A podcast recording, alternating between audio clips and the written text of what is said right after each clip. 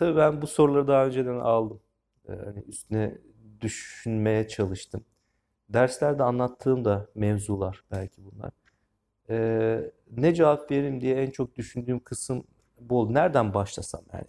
Bu cevabı kurgularken nereden başlasam diye en çok düşündüğüm kısım bu oldu. Sanırım cevabın büyüklüğünden dolayı, alacağı vakitten dolayı e, bu böyle.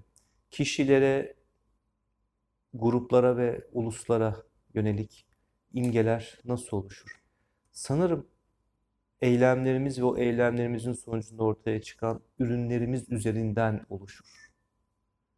Bu bireysel bazda kişinin günlük yaşamındaki bir işi yapma biçimi, daha sonra ortaya koyduğu ürün ve o ürünün incelikleri, bu ürünün kapsamı üzerinden o kişiyle ilgili bir imge oluşuyor. Ben X yazarını birebir tanımıyorum. Konuşma imkanım olmadı. Zaten 100 yıl önce öldü. Fakat o X yazarıyla o kitabın üstünden bir X yazarı inşa ettim. Yani o benim o yazarla ilgili imgeme ulaşıyor. Çok naif bir adam diyorum. Çok kaba bir adam diyorum. İkisi de doğru olmayabilir. Yani gerçek doğru olmayabilir. Baudelaire'i okuduğumuz zaman bir Baudelaire'e ulaşıyoruz. Seviyoruz da. Belki. Fakat oturup gerçek Baudelaire'le karşı karşıya gelsek bir bardak çay içmeyiz. Kişiliğini sevmeyebiliriz. O farklı bir mesele. Fakat Baudelaire'in kendi ürünleri üstünden yarattığı o kendi kişisel imgesini sevebiliriz. Kendi yarattığı imgeyi sevebiliriz. Bu ana bir parantez açayım. Yaratma süreci, ürün verme süreci, kişinin de kendisini şekillendirme süreci. Eksik olan kişi kendisini tamamlamak için bu üretim sürecine giriyor aslında. Üretim süreci eksiklikten kaynaklanıyor. Kendisini tanımlama gayretinden kaynaklanıyor. O kendisiyle ilgili bir öyküdür. Üreterek kendisine ilişkin bir öykü yazıyor aslında. O öykü içinde kendisini, toplumunu tanımlıyor, onu anlamlandırmaya çalışıyor. O öykü içinde bir cevap vermeye e, çalışıyor. Gruplar içinde bunu, belki kurumlar içinde, üniversite kurumu, akademi kurumu içinde bunu söyleyebiliriz ki özellikle bu akademi kurumunun en etkin olduğu belki Batı'da, Avrupa'da 19. yüzyılda bunu daha net söyleyebiliriz. Uygarlık yaratma, kültür yaratma bir bir müşterek çalışma işidir. Bireysel pırıltı işi değildir. Bireysel parıldama işi değildir. Parıldarsın, iyi eser verirsin ama o müşterek çalışmayla o kültür yükselir, belki de uygarlığa dönüşür. Ve oradan da bir imge yine uygarlığa ilişkin binlerce yıl öncesinden belki bir imge oluşur. Yunan uygarlığı için bir imge oluşur. Milattan önce işte 5-6. yüzyıldan itibaren böyle elini konu şekillenmeye başlamış. Kafamızda bir, bir imge oluşur. Ee, uluslara gelince en karmaşığı bence o. Çünkü ulusların ürettiği şeyler, ulusların kendilerini yaratma süreçleri ayrı bir süreç. Her ulus özgün kültür yaratma gayreti içinde bulunmalı. Ee, mümkün olduğunca elbet elbette ki kültürler arasında etkileşim olacaktır. Yani işte bugünlerde sizinle beraber Russell'ı okuyoruz. Orada o Russell'ın inanılmaz ön sözünde Batı felsefesi tarihinde e, ya da ilk bölümlerde dediği bir şey var. O Yunan felsefesini anlatmaya başlarken. Herhalde pek az şey Yunan düşüncesi nasıl oluştu bunu açıklamak kadar zordur. Nasıl oldu da milattan önce 6. yüzyıla 500'lere tekabül eden bir dönemde birdenbire orada inanılmaz işler yapılmaya başlandı. Bunun açıklaması ne? Bunu yaparken daha önceki evrelere giriyor, Girit'teki Minoslara giriyor. Değil mi? Minos uygarlığına. Sonra anlıyoruz ki Minos uygarlığı ile Mısır uygarlığı arasında müthiş bir münasebet var. Mısır'da Minos Giritlilere ait eserler bulunuyor. Fakat Girit'te de Mısırlılara ait eserler bulunuyor. Karşılıklı bir etkileşim var. E, fakat Minos Minos, Mısır Mısır. Birbirlerine etki etseler de birbirlerinden farklılar, özgünler. Nasıl oldu da buraya geldiler? Minoslular, Girit'teki oluşan o özgün, o bölgeye has, oraya has, o güçlü kültür yayılmaya başlıyor daha sonra. Ana karaya sıçramaya başlıyor. İyonyalıları etkilemeye başlıyor. Dorları etkilemeye başlıyor. Ve daha sonra farklı bir senteze, farklı bir bileşime giriyor. Farklı bir yapıya e, geçiyor. Fakat ne olursa olsun Girit'ten çıkan o Minos, Knossos sarayı ve etrafındaki o kültür de olsun. Daha sonra Atina ve diğer şehir devletlerine sıçrayan o Yunan kültü şekiller, Yunan kültürü de olsun. Özgün bir şey inşa ediyorlar. Elbette ki içinde başka ulusların, e, ulus demeyelim de ne diyelim, başka kültürlerin etkileri mevcut. Ama onlardan özgün bir noktaya çıkıyorlar ve bir ürün veriyorlar. Ve bu ürünü sabitliyorlar, mekana sabitliyorlar. Ne yapıyorlar? Yazıya çeviriyorlar. Eserler bırakıyorlar. Heykellere dönüştürüyorlar. Ve kendisinden sonraki yapılara etkiliyorlar. Roma'ya etkiliyorlar. Roma'nın bir felsefesi yok ama bütün kültürü neredeyse bir Yunan iyi bir öğrenci. Onu çok iyi devam ettiriyor. Ona devşiriyorlar. Ee, ve oradan bir imge çıkıyor, bir Romalılık çıkıyor, bir Yunan imgesi, antik Yunan imgesi çıkıyor. Demek ki o uluslar kendi şahsiyetlerini yaratma sürecinde şekillendiriyor. Üretme süreci şahsiyet inşası sürecidir.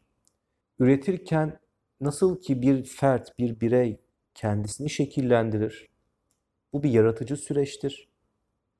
Ama eksik olan yaratıcı yaratarak kendisini tamamlamaya çalışır. Ve oradan bir öykü, kendisiyle ilgili bir öykü kurar.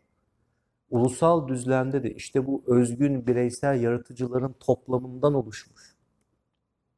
Ulusal düzlemde özgün eserler yaratma süreci o ulusa ilişkin bir öyküdür. Ulus kendisini tamamlar ve o öyküye inanmak zorundadır. O öyküye inanmak zorundadır, o öyküyle ayakta kalır. Fransızların belki bize o burnu havada gelen tavırları, yarattıkları, yazdıkları öyküye inandıkları içindir. Almanlar bu öyküye inandıkları içindir. Almandırlar. Ee, ve oradan bir imgeye ulaşırız. Uluslara ilişkin. Bu öyküyü ne kadar sağlam kurar isek ve ne kadar özgün kurar isek o kadar özgün bir ulus kültürüne, ulusal şahsiyete gideriz. Ve o beni başkasından farklı kılar. İçimde pek çok farklı kültürlerin etkisi vardır. Fakat ben o ulusal üretme kabiliyetim ile kültür düzleminde başka pek çok kültürlerin etkisini de kendi zihnimde yoğurup kendimden başka bir şeye dönüştürüyor. Kendimden çıkardığım başka bir yapıya dönüştür. Başka bir özgün bir ürüne dönüştür. Bu böyle devam eder ama bu durduğu zaman ölürsün. Bisiklet çevirmek gibidir bu. O yüzden ulusların tembellik hakkı yoktur. Bireylerin vardır belki ama ulusların tembellik yapma hakkı yoktur. Pedalı çevirmezsen düşersin. E, bisikletten düşersin. Sürekli özgün işler yapmak suretiyle kendini şekillendirmek zorundasındır. Bu birazcık da sanırım sürekli form değiştiren bir heykele benziyor. Bireylerin, grupların ve ulusların yarattığı bu üst kişi, bu imge insan, imge kişi belki de hareketli bir heykel. Ve o ulustaki her birey bu heykelin ortak bir yontucusu. Herkes bu heykeli şekillendiren, o heykelin şekillenmesine pay sahibi olan bir heykeltıraş bu anlamıyla.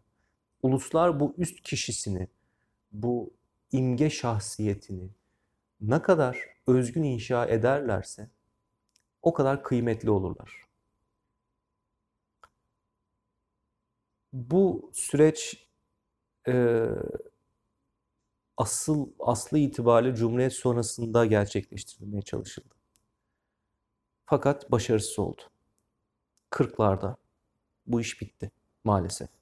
40'lara kadar yapılmış o inanılmaz işler, Cumhuriyet'in kurulmasından 40'lara kadar olan o işler bir ulus şahsiyetini ortaya çıkarma çabasıydı. Fakat bu şahsiyeti üretme sürecinden uzaklaştık. Bunun iktisadi sebepleri de var. Çünkü özgün bir kültür bağımsız bir toprak parçasında üretim sürecinin senin elinde şekillendiği bir toprak parçasında şekillenebilir. Özgünlük özgürlükten gelir. Eğer özgür olabiliyorsan özgün bir eser ortaya koyabiliyorsun. Çünkü kendini özgür hissedebiliyorsan çırılçıplak düşünebiliyorsun. Hepsi bir zincir şekilde birbirine e, bağlı. O çırılçıplaklığın özgürlüğü içerisinde vardığın kıyı senin işte o nevi şahsına münhasır kıyın. Sen o kıyıda bir eser inşa ediyorsun. Bu sadece sana ait, bireysel bazda. Bütün bu özgün kıyıların toplamı ulusal bazda. O ulusa ait bir yapıya dönüyor. Ve oradan ulusa ilişkin özgün bir şahsiyet ortaya çıkıyor. Demek ki alabildiğine özgür bireylerden oluşmuş düşünce sürecinde ve toplumsal hayat sürecinde bir alabildiğine özgür e, özgür bir ulus gerçekten neydi o tabim endemik diyorlar değil mi? Endemik bir kültür yapısına. Hiçbir şeye benzer, sadece o bölgede var olan. Başka bölgede etki eden bir kültür yapısına dönüşüyor. Minos'tan çıkıyor, ana karaya geliyor, oradan Makedonya'ya gidiyor, oradan etkilerini ta Hindistan'a kadar gösteriyor mesela. E, çünkü bu iş birazcık da böyle fizik dünyasından bir örnekle e, açıklayacak olursak, e, kültür kütleni büyüttükçe kültürel zemini büküyorsun. Ne kadar büyük bir kültür kütlen oluşursa, kültür zeminini o kadar aşağı çektiğin için çekim kuvvetin artıyor. Senin kadar büyük bir kültür kütlesine sahip olmayan, yani senin kadar özgün, detaylı, incelikli, eser verme kapasitesine sahip olmayan diğer uluslar, milletler, kültürler sana doğru eğilmeye başlıyor. Çünkü sen kültür zeminini kendi kültür kütlenle büyütmeye başlamışsın. Ve böylelikle nüfuz, o etki her geçen gün büyüyor. Ama ne zaman ki o özgürlük duygunu ve özgürlük şartlarını kaybettin. İşte o zaman özgünlük noktasında da sıkıntılar baş göstermeye başlıyor. E, dolayısıyla hani her şey böyle eskiden şey yapardık. Ben böyle deterjan alırdım annemden. Suyun içinde onu köpürtür bir tükenmez kalemin o boş kabıyla üfleyip köpük yapardım böyle. Bir ya da onun kabın içine üflerdim. Bir sürü köpük olurdu böyle. Daire içinde daire, daire içinde daire. Toplumsal yaşam o. Kesişen, iç içe geçmiş dairelerden oluşmuş. Bir şeyi, bir daireyi diğer daireden yalıtarak açıklayamıyorsun. İç içe geçmiş vaziyette. Hepsi birbirine münasebet halinde, ilişki halinde. Ee, o özgür bireyin özgün eseri. İşte o yine belki de ilk sorunun cevabında da yatıyor. Daire içinde daire dedik. İklim meselesi. Bir ülkedeki iklim meselesi. Bu ülkedeki iklim ne kadar kuşatıcı ve fikir söylemekten biz uzaklaştırıcı, elimizi korkak alıştırıcı olursa o özgünlük noktasında da çok büyük erozyonlar e, söz konusu oluyor. Fakat özgürlük ve özgünlük ilişkisini sağlayabilmiş uluslar hakikaten kendi ulusal şahsiyetlerini, ulusal imgelerini, kendi üst kişilerini, o devingen heykeli gayet güzel yontuyorlar.